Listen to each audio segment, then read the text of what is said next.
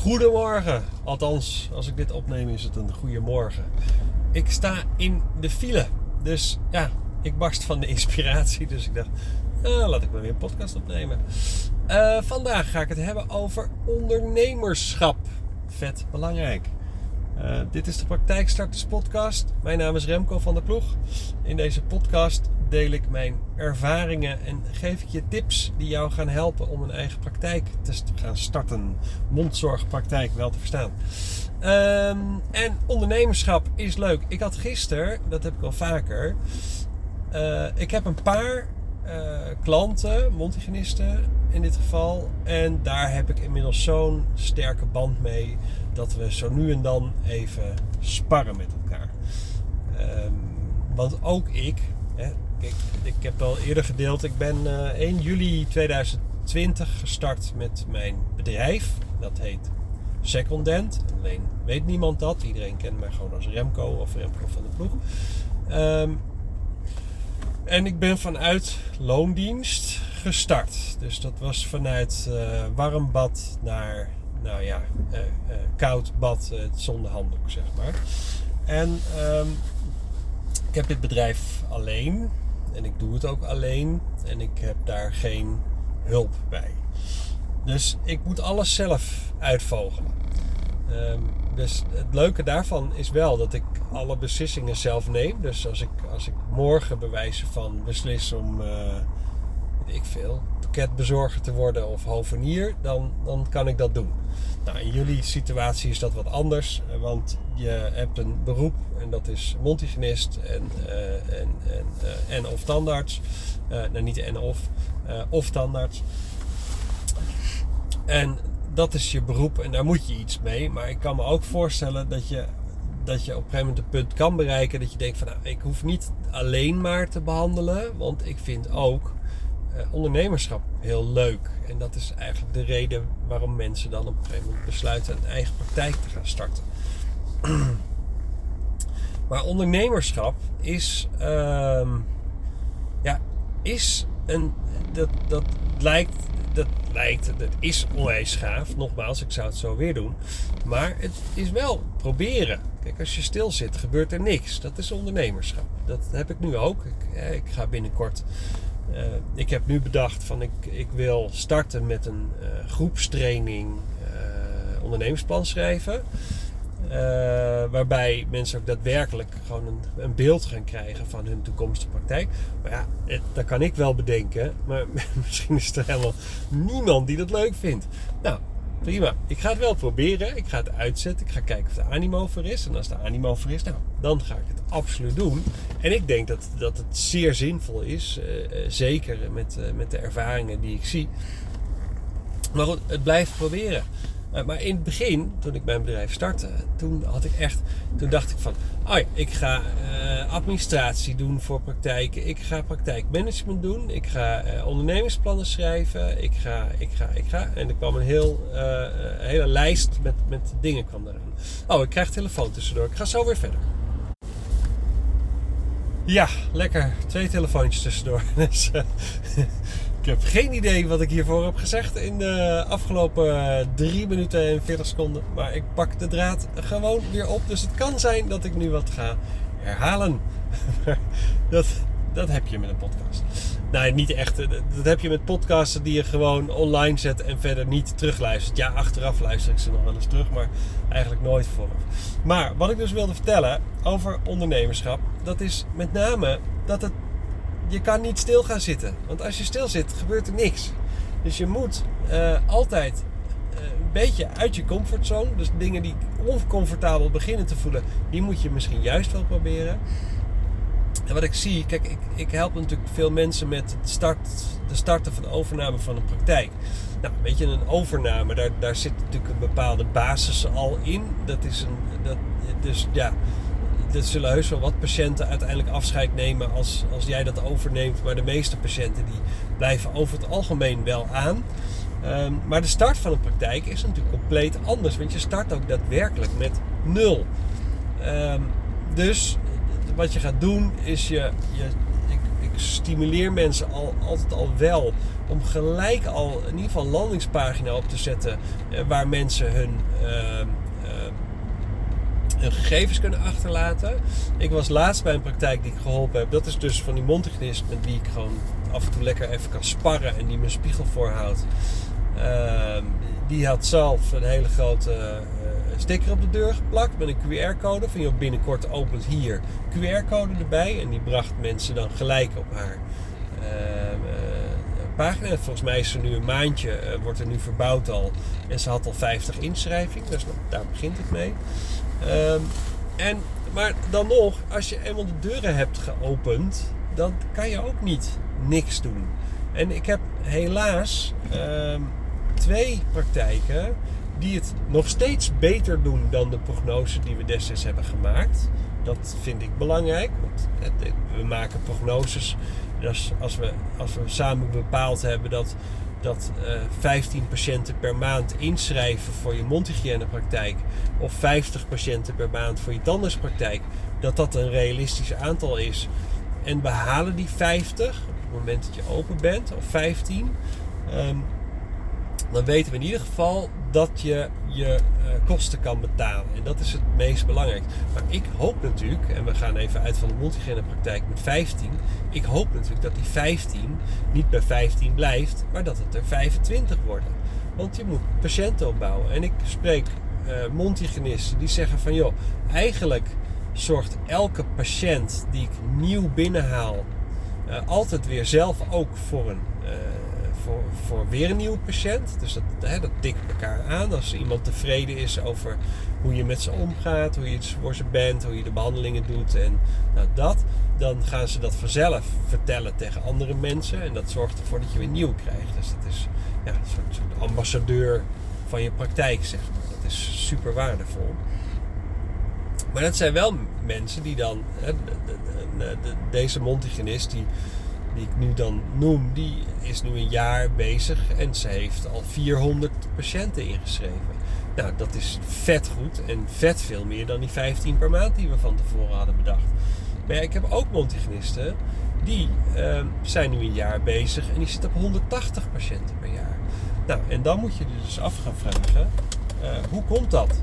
En als je wat hoort, dat is mijn knippertje. Want ik sta uiteraard nog steeds. Het is vandaag Nationale File-dag, denk ik. En, ik had besloten om te gaan rijden. Maar goed, het voordeel is wel dat je weinig ruis hebt dan van auto's om mij heen. Dus dan kan ik in ieder geval even rustig praten. Um, dus ik heb ook een praktijk.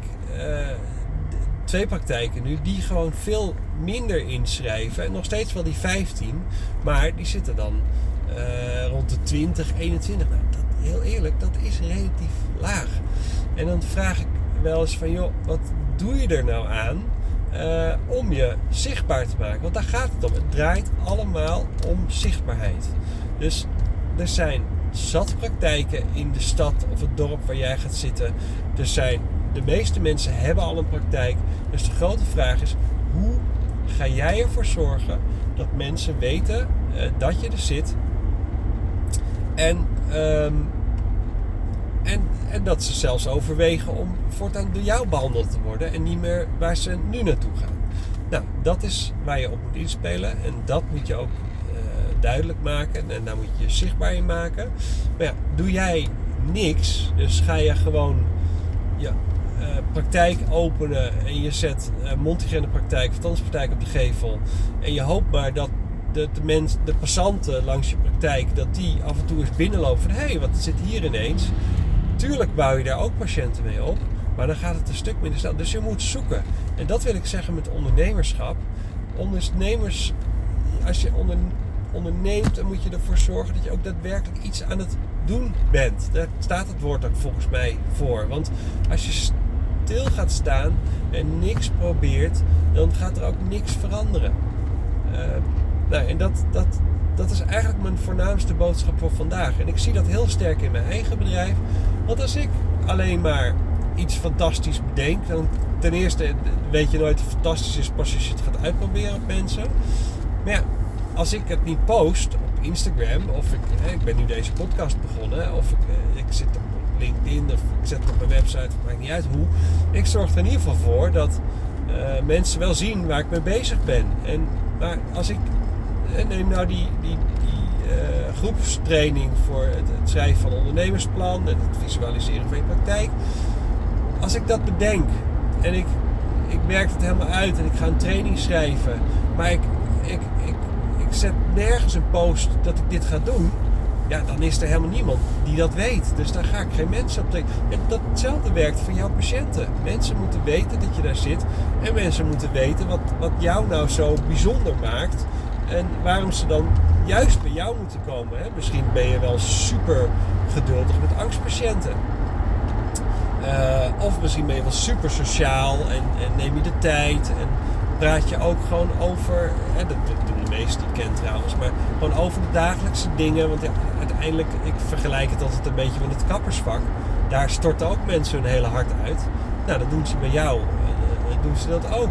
En, en helemaal bij mondhygiënist. Want ja, meestal heb je toch wel half uur tot drie kwartier tijd. Dus dan is best wel even tijd om vijf minuten met elkaar te kletsen.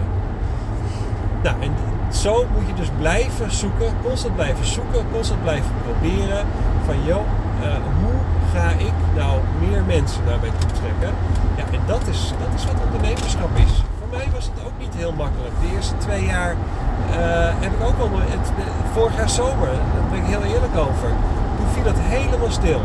En toen dacht ik echt van, nou, ik zit op social media, ik post geregeld, ik ging blogs schrijven, ik had heel veel, een aantal klanten al super goed bediend, dus die waren me ook aan het promoten. Ehm, dus ik denk, ja, wat, wat kan ik in godsnaam nog gaan doen om, eh, om dit te verbeteren? En het, nou ja, in de zomervakantie viel het dus echt stil. De telefoon ging niet. En toen dacht ik echt van, nou, wat, moet ik hiermee? En toen heb ik echt serieus overwogen nou, weet je, stoppen met het bedrijf was sowieso geen optie. Dat zou voor jou ook nooit een optie moeten zijn om te zeggen, nou dan stop ik maar weer met mijn praktijk. Want daar, er zit veel te veel geld achter. En je hebt een forse investering gedaan voor je verbouwing, voor je apparatuur. En uh, dus je gaat niet stoppen. Dat is geen optie. Dus uh, wat kan je dan wel doen? Nou, je kan. Uh, dan moet je maar iets daarnaast gaan, gaan doen. Wat dan, hè, dus je gaat meer ZZP'er zou je kunnen. Maar eigenlijk wil je dat ook niet. Want op het moment dat jij besluit van ja, ik had eigenlijk twee dagen voor mijn eigen praktijk gereserveerd. En ik, ik ga drie dagen als ZZP'er werken. Maar ik krijg te weinig geld in mijn eigen praktijk. Dus ik kan ook als vier dagen ZZP'er werken. Kan je doen. Maar heel eerlijk, dan verleg je je focus weer uh, naar iets anders. En je focus moet juist op je praktijk liggen. Ik zou bijna zeggen, ik heb liever dan dat je je ZZP-werk beëindigt uh, en gewoon maar in het diepe gaat. Want dan, dan moet je wel creatief zijn en dat je, dan word je gedwongen om daadwerkelijk uh, na te denken over hoe ga ik mijn marketing doen, hoe ga ik patiënten trekken. Nou, dat had ik dus vorig jaar zomer ook. Bij mij viel het helemaal stil. Ik had eigenlijk niet heel veel dingen waar nog heel veel werk in zat. Ja, een paar kleine projectjes. Uh, nou, en ik heb echt serieus over. Ik denk, nou ja, anders ga ik maar gewoon een tijdje, weet ik veel, voor PostNL werken. Ga ik pakketjes bezorgen. Doe ik dat er wel bij, dan heb ik in ieder geval iets. Nou, dat heb ik dus niet gedaan, uiteindelijk. Maar ik ben gaan kijken van, joh, wat kan ik er nou aan doen beter zichtbaar te worden. Of misschien andere posts te maken die meer aansluiten bij de mensen die ik graag als klant zou willen hebben. Nou, en op die manier ben ik gaan zoeken naar dingen. En het, grappige is, na de vakantie was kennelijk iedereen, uh, iedereen opgeladen. Iedereen had nagedacht over wat ze nou eigenlijk met hun leven willen. En toen ging de telefoon ineens weer. En toen had ik het ineens in september, had ik het vet druk.